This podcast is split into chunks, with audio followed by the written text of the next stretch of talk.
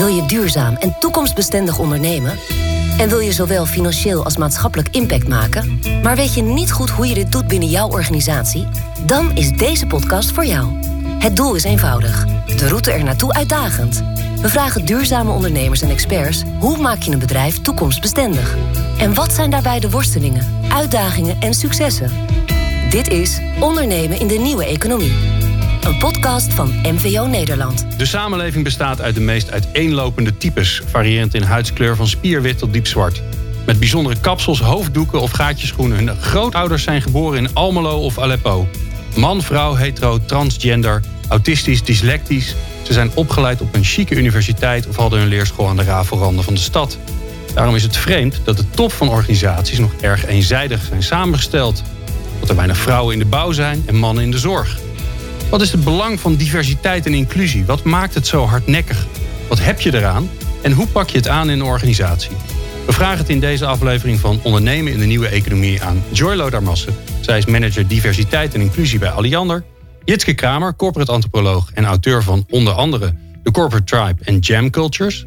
En Maria van der Heijden, directeur van MVO Nederland. Fijn dat jullie er allemaal zijn. In de studio Maria, ja, we beginnen elke podcast bij jou om even helder te krijgen waarom dit onderwerp. Waarom is dit belangrijk? Is dit een van die zeven speerpunten, belangrijke onderwerpen op de nieuwe businessagenda? Nou, jij somde al eh, heel prachtig op wat voor diversiteit we aan mensen hebben. En als je dat zo hoort, dan denk je, wauw, geweldig. Vanzelfsprekend om dat ook uh, zichtbaar te maken in je bedrijf. En uh, dat is niet zo vanzelfsprekend. En diversiteit is er. de kunst is om dat ook echt inclusief toe te passen en te zorgen dat iedereen meedoet. En wij vinden het een heel belangrijk onderwerp om dat te agenderen in bedrijven. Uh, en mensen bewust te laten maken dat voor je het weet, je vanuit een bias, zeg maar vanuit je Voordeel, eigen patroon, ja. uh, oordeel, uh, je niet alert bent op de kracht van diversiteit. En um, nogmaals, dat is echt heel belangrijk. Zeker als je kijkt naar maatschappelijk verantwoord ondernemen in brede zin. Dan gaat het heel erg over de groene en de sociale agenda. In die mhm. groene agenda zien we ook te weinig diversiteit bijvoorbeeld. En dat maakt toch dat mensen die zelf hoog opgeleid zijn, enorme passie hebben op, op, op zeg maar het planeetonderwerp, zich niet altijd realiseren dat diversiteit daar een enorme kracht en een enorme ondersteuning aan kan geven om te zorgen dat we echt versnellen. Daar hebben we ook hele andere uh, uh, type mensen, andere culturen, uh, echt diversiteit in nodig.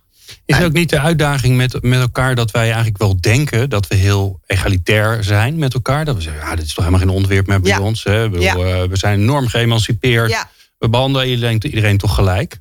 Dat gevoel, ik, ik dat heerste volgens mij. Anderhalf jaar geleden, en dat was op initiatief van Alliander, uh, was er een vraag aan het bedrijfsleven om een LGBTI-manifest te ondertekenen. Dus aandacht voor uh, gender, homo, lesbisch in bedrijven nauwelijks een bedrijf wilde tekenen, omdat ze zeiden van hé, hey, dit is bij ons. is geen issue. Is helemaal geen issue. En dat vind ik eigenlijk heel maf. Want dan denk ik, ja, uh, eigenlijk weten we allemaal, door het bespreekbaar te maken, en kijk naar het racisme-debat op dit moment, door het bespreekbaar te maken, word je toch weer zelf heel bewust van onbewuste uh, intenties, uh, oordelen die je hebt. En daar gaat het ons eigenlijk om, om het agenderen. En het heel actief te agenderen, waardoor inderdaad gewoon wat gebeurt. Want je kunt het erover hebben, maar uiteindelijk gaat het om gedrag. Dingen doen, ja. Joy, jij houdt je hier elke dag mee bezig binnen Alliander. Sterker nog, uh, misschien wel elke seconde van de dag ben je daar in je hoofd mee bezig. Wat, wat heb je met dit onderwerp?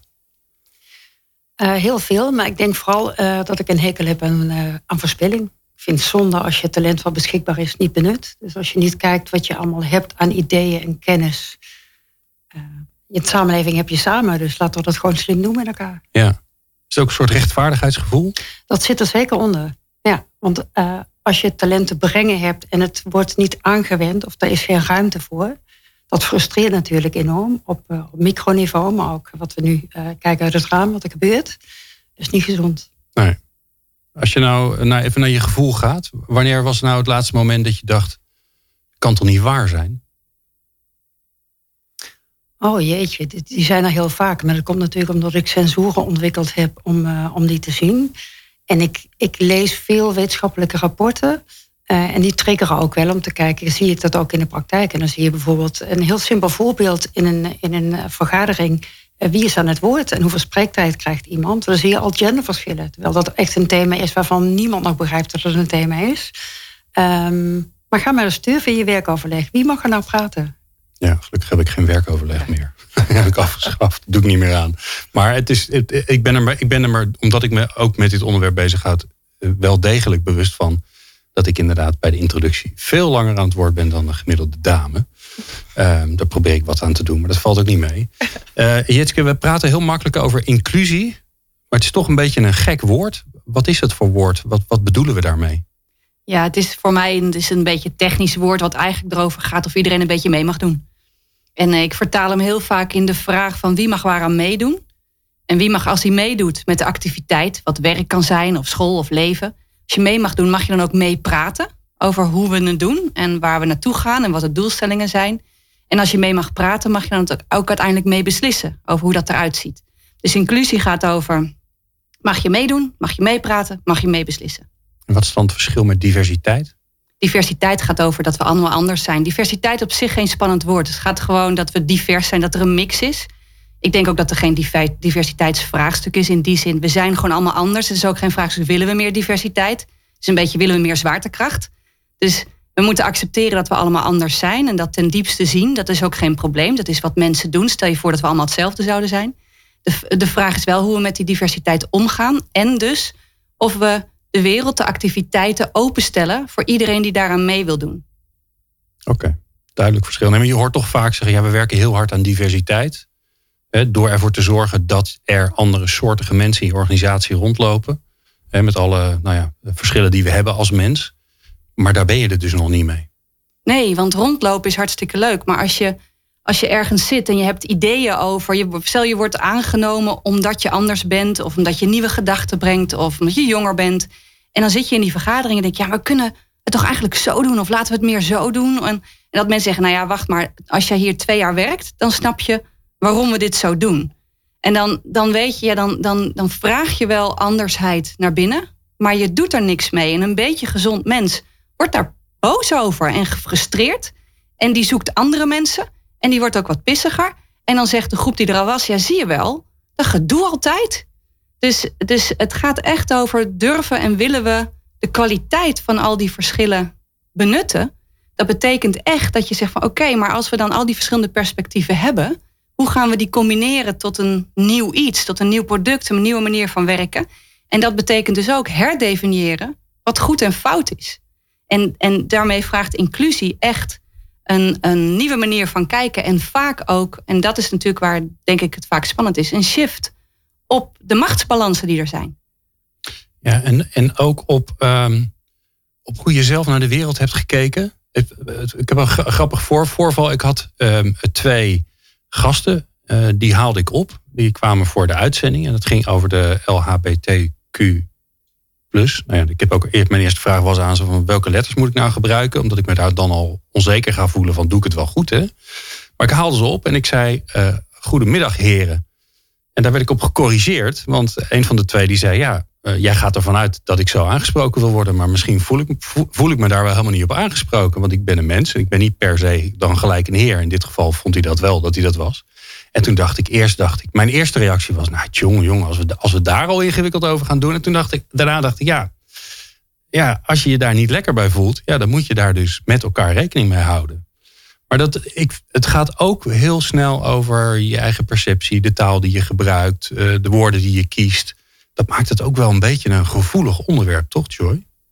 Ja, herkenbaar. Ik, uh, ik dacht ook even aan wat, uh, wat Maria zei. Uh, wat er vaak gebeurt is dat mensen denken: als het mijn probleem niet is, dan is het geen probleem. En dat maakt het natuurlijk iedere keer zo ingewikkeld. Uh, en de, als je het over uh, machtsverdeling hebt, dan is het vaak een kleinere groep die dan minder positie heeft of minder zijn stem kan laten horen. en dan vindt de grote groep dat al snel inderdaad vervelend of irritant. Dus dan komt er spanning op.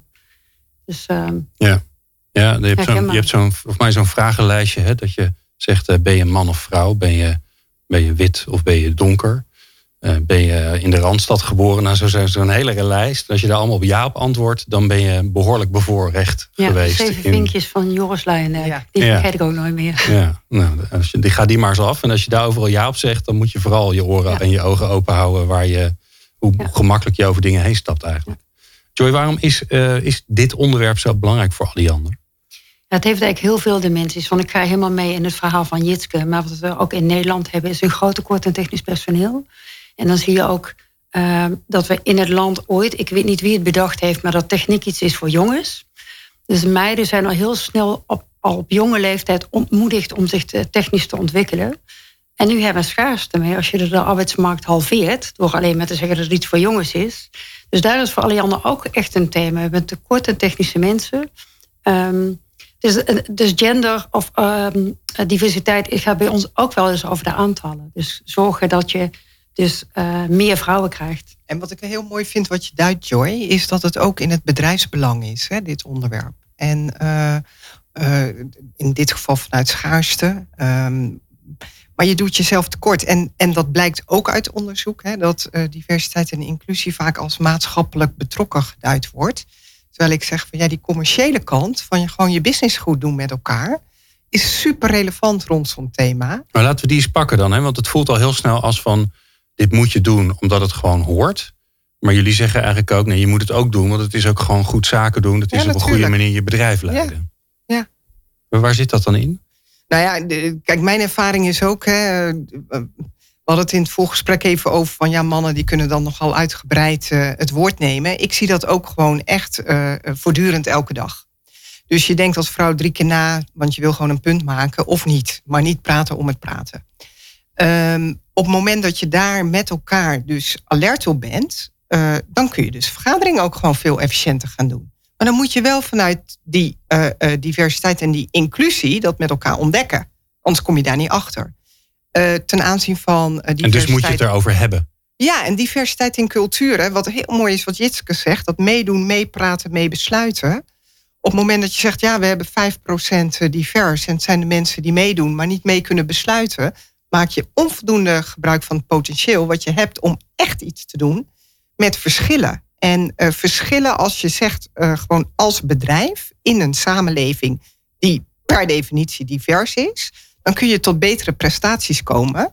Gewoon als bedrijf, door dat echt vanuit bedrijfsoptiek, vanuit een commercieel belang ook zo te duiden. Ja. ja, het is het stuk dat elk bedrijf wat iets heeft in zijn gedachtegoed en zijn missiestatement wat gaat over innovatie en veranderkracht en agile en wendbaar. Ja, enorm hip. Nou, ik denk dat we nu iedereen hebben. Ja, iedereen um, doet mee.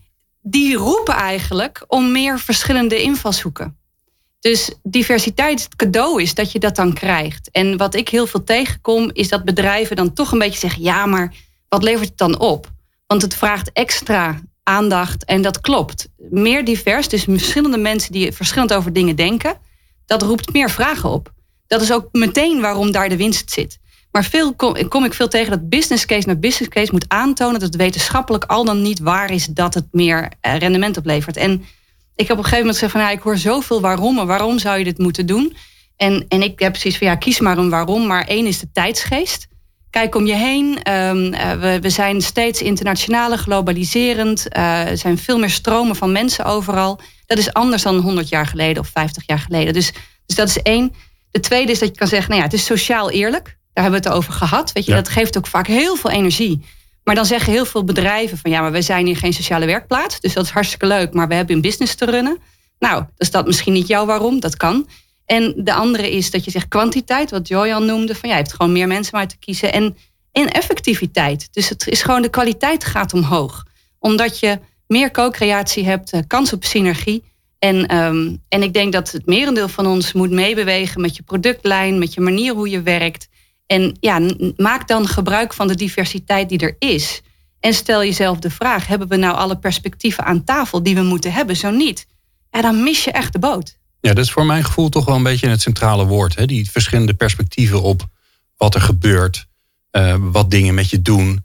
Uh, dus ja, ook en, meer en kansen zien. Dat en het gevaar daarvan werk ik altijd wel weer is dat men zegt: oké, okay, dan laten we dat hele gedoe rondom gender en kleur en religie laten we lekker los. We doen gewoon verschillende perspectieven en kijk, dan zijn we er. Ja. En, en hier kom je bij het stuk dat je ook echt, um, als iemand er anders uitziet dan jij, of een andere religie heeft dan jij of je familie, dan kan dat echt dat je hoort wat die ander zegt op een andere manier is dan die ander het bedoelt. Dus je hebt daar die onbewuste vooroordelen. Dus het is voor mij een soort twee sporenbeleid. Dus eentje is zorg dat je vaardigheden op gebied van omgaan met verschillende perspectieven hoog zijn. Dat zijn inclusieve vaardigheden. En ten tweede is blijf wel die focus leggen op die andere delen van, van diversiteit die nog moeilijker zijn te bereiken en die vastzitten in procedures. En dat is natuurlijk de hele discussie nu rondom Black Lives Matter. Dat je het, zit, het zit in de systemen, in de procedures. En, en dat, is, dat is bepaald meer logisch, want we, we, we leven niet in een, in een vacuüm. Weet je? We hebben de geschiedenis draagt mee. En, en als je in één zin uitlegt hoe mensen culturen vormen, kan je zeggen: niks heeft betekenis van zichzelf. We moeten samen aangeven. Wat vinden we goed en fout, mooi en lelijk. En, en die, die frames en wat we daarvan vinden, die vangen we in procedures en gebouwen. Dus het is logisch als wij heel lang gedacht hebben dat mensen met een andere huidskleur minder intelligent zijn. En helaas, breaking news, dat is wat we gedaan hebben. Is dat we nu beseffen dat dat niet zo is. Breaking news, wake up. Het heeft echt niet ermee te maken. Dat moeten we niet gek opstaan te kijken dat dat nog steeds in procedures en gebouwen gevangen zit. Dus natuurlijk moeten we dat weer afbreken om terug te gaan naar hoe zorgen we ervoor dat iedereen daadwerkelijk 100% mee kan doen. Ja. En wat is daarvoor nodig, uh, Jitske? Dat, dat, uh, uh, dat echt afbreken? Wat is dan wat jou betreft de Dat is een mooie cliffhanger, Maria. Want dat zat namelijk net in mijn hoofd. Dat ik dacht, ik ben zo... we, we hebben het hier al zo lang over met z'n allen. En het is blijkbaar zo taai dat het niet zo heel erg makkelijk is. Ook al willen we het best wel met z'n allen. Dus wat maakt nou dat het zo taai is? En wat kunnen we er nou aan doen om te zorgen dat het goed komt? En dat hoor je zo. Meer lezen, luisteren en kijken? Ga dan naar de nieuwe businessagenda van MVO Nederland. www.nieuwebusinessagenda.nl Joy Laudermassen uh, van Alliander, Jessica Kramer, uh, ja, corporate antropoloog en nog veel meer. En Maria van der Heijden van MVO Nederland zijn in de studio praten over uh, inclusie. Ja, het is iedereen wil dit eigenlijk toch. En als het dan ineens dichtbij komt, wordt het heel ingewikkeld. Wat is dat, Joy? Waarom is dit zo'n taai onderwerp? Ik weet niet of iedereen het wil hoor. Uh, maar wat ik nog wel even wil aanvullen. Er is toch wat... bijna niemand die zegt: Ik wil dit niet? Oh ja, maar dat is iets anders. Ah, uh, zeggen dat je dat niet wil. Ja, ja. Uh, omdat het natuurlijk inderdaad heel taai is en het vraagt veel van je. En je kunt het gesprek op heel veel dimensies voeren. Want het werd nog wel getriggerd door wat Jitske in het vorige blok vertelde waar wij als organisatie ook mee zitten, is dat we gewoon ook veel aantrekkelijker worden voor talent. Dus voordat mensen bij ons werken, ehm, als je überhaupt nog overweegt om bij Alliander te gaan werken, dan moet je naar het gebouw kijken en dan moet je die procedure in en dan heb je gesprekken met mensen. En dan moet je denken, hier wil ik bij horen. En daarom moet je zowel in je employer brand, in de taal en de vacatureteksten, de foto's van de mensen, het assessment wat mensen moeten doen, de vorm van gesprekken, welke criteria beoordeel je. Al die processen en procedures en die systemen, die moet je eigenlijk stuk voor stuk onder de loep nemen en te kijken hoe inclusief zijn die eigenlijk. Ja, want in de regel worden die opgesteld door witte mannen? Ja, weet je, die hebben het bedrijf gemaakt. Alliander bestaat meer dan 100 jaar. En ze hebben dat heel succesvol gedaan. Maar dat past niet meer bij de tijd. Weet je, er is nu divers talent. Vrouwen werken. Er komen mensen uit andere landen. Of die zijn niet geboren, maar zijn bicultureel opgevoed. Um, dus je moet, ik heb zelf altijd in mijn hoofd het stoofje. Ik weet niet of je dat kent als kind zijn. Dus een vierkante houten kistjes met oh, vormpjes. Ja, vormstoofje. Ja. ja, en dan heb je een rondje. En dat, dat rondje is binnen. En zegt, ik snap je probleem niet. Weet je, uh, wees jezelf en kom binnen. Ik hou je niet tegen. En dat rondje heeft geen oog voor het sterretje en het driehoekje en het vierkantje. Dus je moet, en dat cirkeltje is eigenlijk wie mag hier binnenkomen, wie mag meepraten, wie mag meebeslissen. En dat is het systeem. En dat, is, en dat kan je op, op alle niveaus, kan je iedere keer de vraag stellen, hoe inclusief is dit? Wie sluit wie erin en wie sluit wie eruit? En daarom is het heel ingewikkeld. Want eigenlijk wil iedereen gewoon een knop hebben, of een procesje, of een afvinklijstje. Nee, want ik hoor je ook zeggen, het zit eigenlijk in alles. Ja, ik, ik kan me dat herinneren. Toen ik, ja, ik solliciteerde bij Alliander. En ik vond de baan leuk, maar het bedrijf niet interessant. Want ik had in de gang alleen maar 50-plussers met baarden en sandalen gezien. Ja, maar toen waren baarden niet in. Nee, nee, nee ik wou het zeggen. jaar geleden. Anders geen, was ik misschien gelijk waren geen hipsterbanen. Maar, um, maar ik had gelukkig een goed gesprek daarover. En, uh, mijn toenmalige leidinggevende zei van... ja Joy, maar hoe dan wel? Want als types zoals jij, dat was heel mooi... als types zoals jij dan nee zeggen tegen Alianda... wat wordt het dan met ons? En dat heeft mij wel getriggerd. En ik heb heel veel dingen veranderd... van mensen zeiden, ja, zit het hem daar nou in? Serieus? Maar noem eens een voorbeeld. Nou, heel simpel. Als je nu in ons hoofdkantoor binnenkomt, dan zie je daar bewegwijzeringspalen. En daar staat op waar je een stilteruimte vindt en waar je kunt golven. Dat zie je ook in de lift. En het maakt mij nog niet, in die zin nog niet zoveel uit of die heel druk bezet is. Maar als je binnenkomt, dan zie je dat. En dan vertel je het verhaal over wat is dit voor club? Waar ga ik werken? Ik, ik hoor jou uh, golfen noemen. Dat, dat triggert mij misschien als een wat ludiek voorbeeld. Maar ik, um, ik heb een hele tijd heel veel trainingen gegeven. Dus ik liep veel in van die grote trainingsruimtes en, en, hotelcomplexen. En ik, was, uh, ik had net een kindje gekregen. Dus ik vroeg aan, de, ik had van tevoren gebeld. Ik zei, ik wil heel graag ergens kunnen golfen. En nou, dat, dat was geregeld. Dus in de pauze ging ik naartoe en ik ging naar de receptie en ze namen me mee. En er stonden allemaal jonge gasten, allemaal jongens van 25, zo 26. En, en die namen me mee. En we gingen een eind lopen, man. Het was in zo'n heel groot gebouwencomplex. En, uh, en op een gegeven moment komen we bij een zaal aan. Nou, zo'n zo'n voetbalveld groot, zo'n grote congreszaal. Ze deden hem open, helemaal leeg. Zei, nou mevrouw, gaat u gang. En ik keek ze aan. Ik zei, gaat u gang? Ja, u wilt toch golfen? Och, jeetje. En, en ik vond dit echt. En ik stond daar met mijn tasje. En dat ik dacht, dit is zo'n mooi voorbeeld van het kwam niet in hun op. Hadden geen idee. Nee, ze wist niet eens wat het was. Wist niet wat het was. Nee. Doen ze dat expres? Nee. nee. Moest ik er in dit geval om lachen? Natuurlijk, ontzettend. Ik heb, ik heb van de nood een deugd gemaakt. Ik ben midden in die zaal gaan zitten. Ik heb nog nooit zo'n mooie ruimte gehad. Maar het, het geeft me aan dat het gaat zo, het is zo impliciet.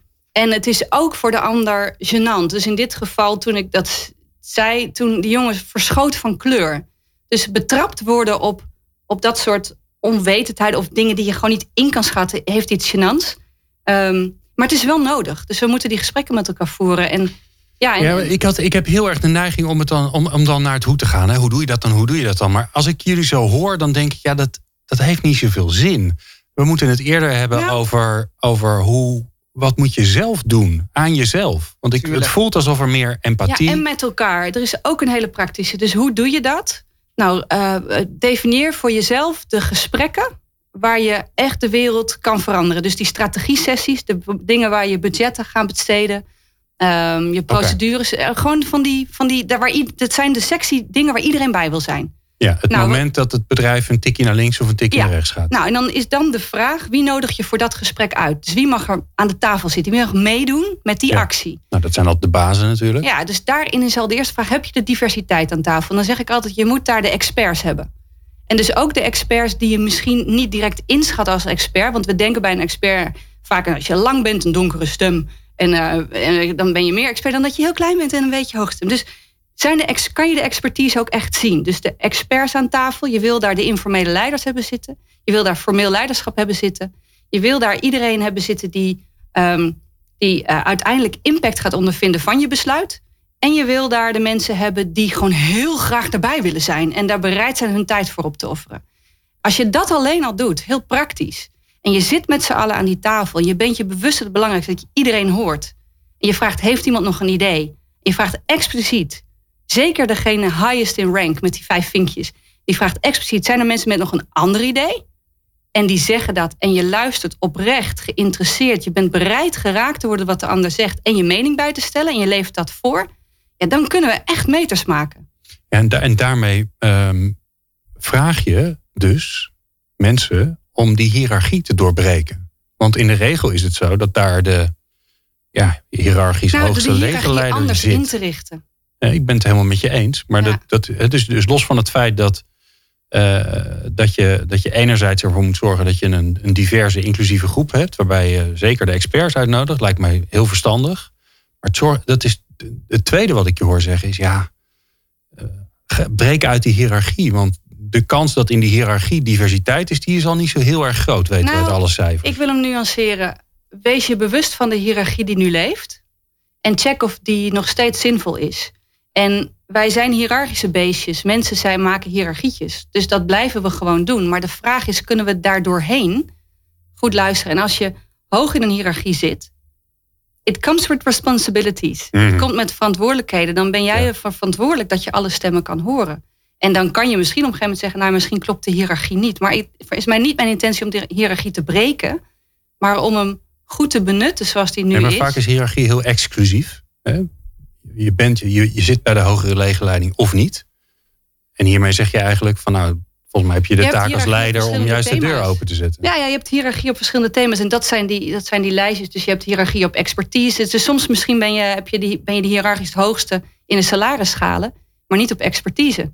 Dus dan zul je op expertise heb je een andere ranking. Dus de, de hiërarchie eh, is er, die blijft er. Maar die kunnen we ook wat, wat ruimer, wat fluider opstellen. Waardoor al die verschillende perspectieven eh, stem krijgen. Dat je dus niet dat jonkie die net van de universiteit komt... en die we daar speciaal voor hebben ge- gevraagd... Die, die roept iets dat je niet met z'n allen zucht van... nou, want Heb je hem weer. Heb je hem weer, of wat schattig, Ja, nog erger. Schattig, ja. Dus, dus dat je echt luistert door die andere ranking items heen. Dus, dus wees bewust van de plek in de hiërarchie en benut die, zodat alles gehoord kan worden. En dan kom je tot dat mee praten en mee beslissen mogelijk.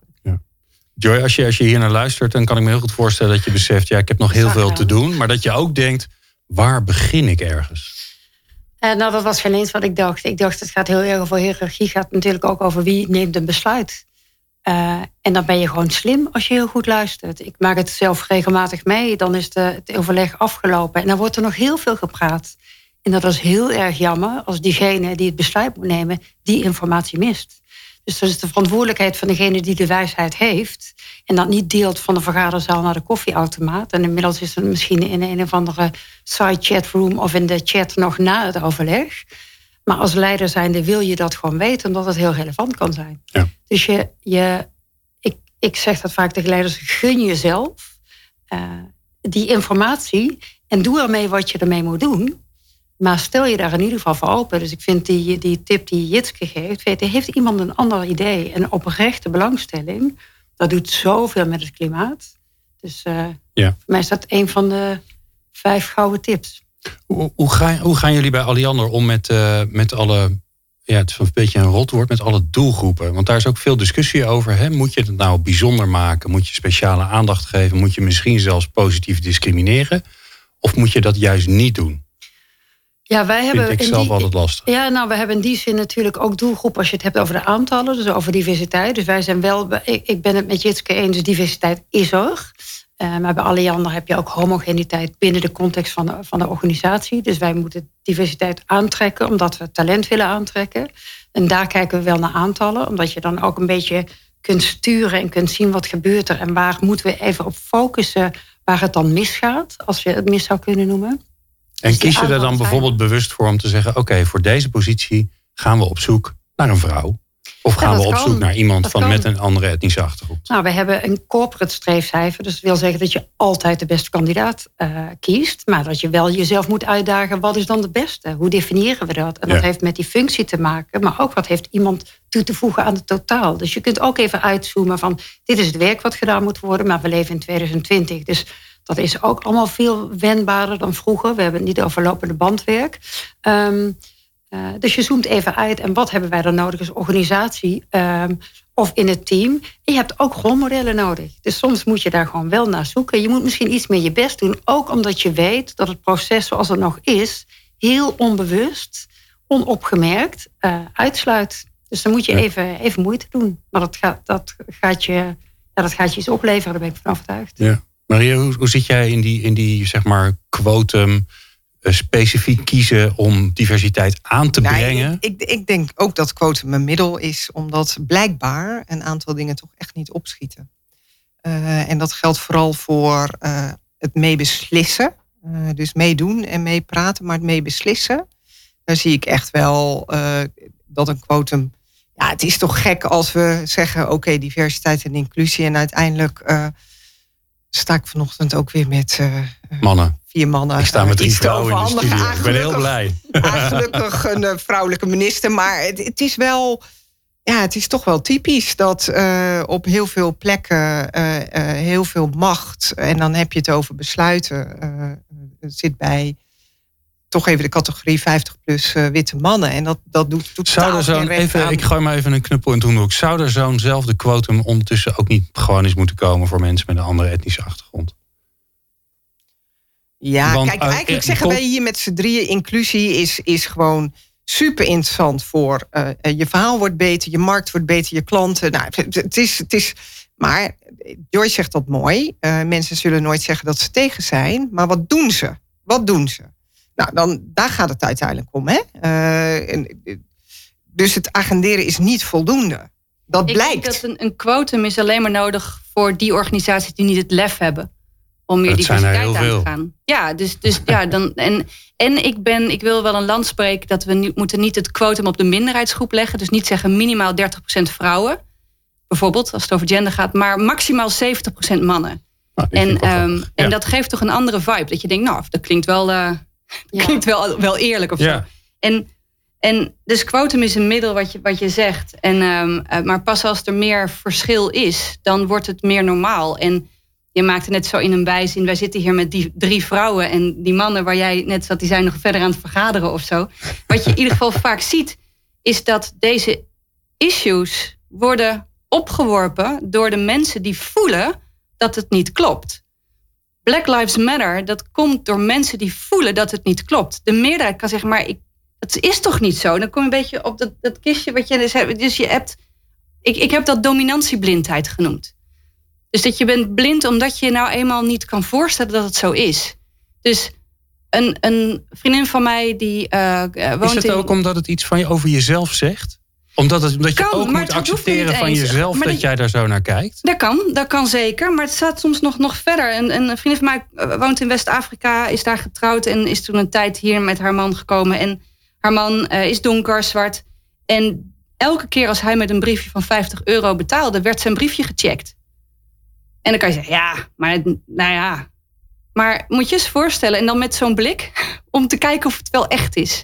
En niet één keer, maar elke dag. Mhm. En dan kan je zeggen, ja, maar en dat noemen ze dan microagressie. Dus het is elke keer die opmerkingen. Elke keer, ik ben spreker en ik krijg echt nog, en gelukkig wordt het minder, maar nog steeds wel de vraag of ik dan wel iets leuks aan doe. Het is echt waar. Ik heb dat nog nooit bij Ik heb die vraag nog nooit die nog gehad. nooit gehad? Nee, Nou, doe jij de volgende keer. ik zal de volgende keer... Sorry, sorry.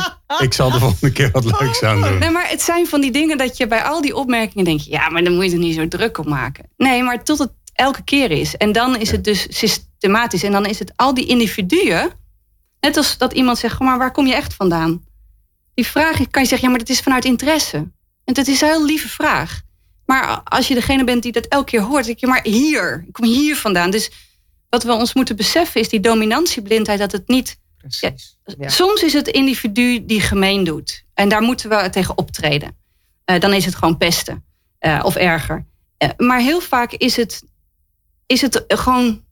om- Klein. Ja, is het vanuit blindheid. Ja. En dan moet je wakker worden. En wakker worden is helemaal niet zo'n leuk proces. Want aan de, de andere kant van dominantieblindheid staat minderheidsstress. En dat is de stress die de groep ervaart die niet in de mainstream mee kan. In een organisatie. En dan, dan kan het om allerlei onderscheidende thema's zijn. En zodra die dominantieblindheid er afvalt van de groep die niet door hadden dat ze vaak per ongeluk uitsloten, die, dan wordt die stress verspreid. Dus die groep zegt, nou, voordat jullie er waren, eh, was het leven makkelijker. En dat komt door jullie. Jullie zitten te drammen, jullie drammers. En, en die dynamiek moeten we uit. En, en ik denk dat we niet eh, elkaar moeten toewijzen dat de een slecht en de ander slecht. Ja, de mensen die, die moeten we aanpakken. En daar moeten we wat tegen doen. Zeggen, "Goh, dit is gewoon niet oké als je zo handelt. Maar het merendeel, denk ik, misschien hoop ik ook wel, is, is uit, uit onmacht. En, en dan is het, hoe, hoe, hoe zetten we dat gesprek weer aan en kunnen we elkaar horen?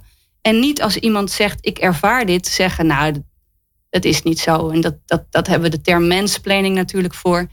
En, en andere termen. Maar ik denk dat we elkaar eh, serieuzer moeten nemen. En vanuit daar moeten gaan handelen. En als iemand zegt, ik vind het niet eerlijk, dat je zegt, goh, vertel, wat is er aan de hand dan? Ja, dat, eh, er gaat ook een wereld voor je open als je dat doet, volgens mij. Ehm, waar ik zo naar met jullie naartoe wil, is ehm, handelingsperspectief, oftewel actie. Dus wat kunnen mensen die nu aan het luisteren zijn en denken: ja, ik heb hier ook een rol in en die moet ik pakken. Wat moet ik doen? Dat doe je zo. De snelste route naar de nieuwe economie voor jou als ondernemer, die vind je in de nieuwe businessagenda op www.nieuwebusinessagenda.nl. Joy Lodermassen, Jitske Kramer en Maria van der Heijden in de studio. We praten over eh, inclusie en het is tijd voor actie. Wat kun je morgen, of misschien straks gelijk als je echt eh, helemaal bevlogen bent, dan moet je gelijk in actie komen. Wat kun je doen? En ik begin bij Joy. Ja, wat kun je doen? Ja, toch weer even over dat quotum. Want ik vind het altijd lastig dat dat vaak als positieve, positieve discriminatie wordt eh, weggezet. En ik zeg altijd, gewoon een knoop in je zakdoek. Als jij dat wil en je bent blind, omdat je nou eenmaal op die positie zit of omdat je die zeven vinkjes hebt, maak even een knoop in je zakdoek, zet iets op je dashboard, dit wil ik behalen en dan ga je daaraan werken. Uh, en zet het ook niet op het individu, maar het is gewoon een organisatieding. Weet je, bij alles wat we willen binnen bedrijven spreken we af wanneer en hoe. Uh, dus doe dat hier ook gewoon mee. En haal daar even af dat die vrouw dan benoemd is omdat ze een vrouw uh, is, want daar wil ik echt vanaf. Dus dat begin daar eens even mee. Waarom wil je het en wat wil je dan? ik heb ook nog nooit een man horen zeggen: Ja, ik vind het toch wel vervelend dat ik benoemd ben omdat ik een man ben. Daarom. Ja. Uh, Jitske, morgen. Wat, gaan, wat, wat, wat adviseer je ons om te doen? Ja, dat kan groot en klein. Als ik het heel klein hou, dan zeg ik altijd: probeer nou eens ieder van ons drie tot vier keer per dag de vraag te stellen: wie heeft er nog een ander idee? Dan echt te luisteren. En niet ogen rollen, maar echt luisteren. En dan als je echt, echt lef hebt, dan zeg je in zo'n vergadering ook meteen en wie herkent dat? En op die manier hoor je al die verschillende geluiden. En dus ook de geluiden die niet van jou zijn. Om dan vervolgens te kijken wat is nu het beste besluit. En ik denk dat dat. Dus, dus een deel is het um, psychologische veiligheid creëren voor verschil. Wat het verschil dan ook is. En dat zijn daar twee belangrijke sleutels uh, in. Ja, en dan gelijk even met z'n allen leren hoe je dat op een goede manier doet. Hè? Want daar heb je wel wat vaardigheden voor nodig. Ja, en de eerste vaardigheid is gewoon, je kunt het allemaal. Wie heeft nog een ander idee? Goh, vertel. Ja, en, dan, wie herkent dat? En dan, niks en dan samenvatten. Ja, en dan, dan, dan uh, geïnspireerd raken. En dan komt natuurlijk de volgende, wie gaat dan besluiten? En dan uh, kom je op een wat groter thema. Want als je deze gesprekken voert op deze manier, op die hele belangrijke thema's, als goh, hoe regelen we goed onderwijs in voor iedereen? Of hoe zorgen we ervoor dat iedereen uh, zich veilig voelt in het MT? En je hebt dan op deze manier gesprekken en je maakt de besluiten op een manier dat, dat de mensen zeggen, ja, nu, nu ben ik mee. Nou, dan denk ik dat we via hele kleine gedragsinterventies hele grote stappen kunnen maken. Ja, en met hele grote gevolgen voor iedereen. Ja, we, we zeggen wel, als het hart van de macht het wil, is het met 24 uur geregeld. Nou, laten we daar ons best voor gaan doen. En dan eindigen we met Maria. Nou, daar wil ik op aansluiten. Want uh, ik geloof heel erg in dat dit begint aan de top. Uh, zeg maar de mensen die besluiten nemen. Um, en inclusie en diversiteit is natuurlijk onderdeel van uh, afdelingen die gaan over medewerkers. Maar uiteindelijk is het zo belangrijk in een bedrijf dat dit hoort op de bestuursdirectietafel. En dat iedere directeur, CQ bestuurder, nadenkt over wat ga ik hier vandaag mee doen. En die knoop in die zakdoek is een heel goed idee. Je kunt maandagochtend uh, virtueel in deze fase uh, een aantal mensen waarvan je weet dat ze andere ideeën hebben, gewoon eens uitnodigen. Kunnen we even een uurtje met elkaar sparren? Zoek eens even naar een ander geluid. En dan vooral, uh, wat mij betreft, aan die besluitvormingstafel. Mooi. Um, ik heb bijzonder genoten van dit leuke gesprek. Dus ik wil jullie allen zeer danken. Joy Lardermassen van Aliander Jitsik Kramer, corporate antropoloog en ongelooflijk veel boeken uh, geschreven hebbende. Dat een fantastische Nederlandse zin is. En Maria van der Heijden van NVO Nederland. Dank jullie wel allemaal. Meer afleveringen vind je in jouw favoriete podcast-app. Zoek naar Ondernemen in de Nieuwe Economie. Wil je je aansluiten bij onze beweging? Ga dan naar nvonederland.nl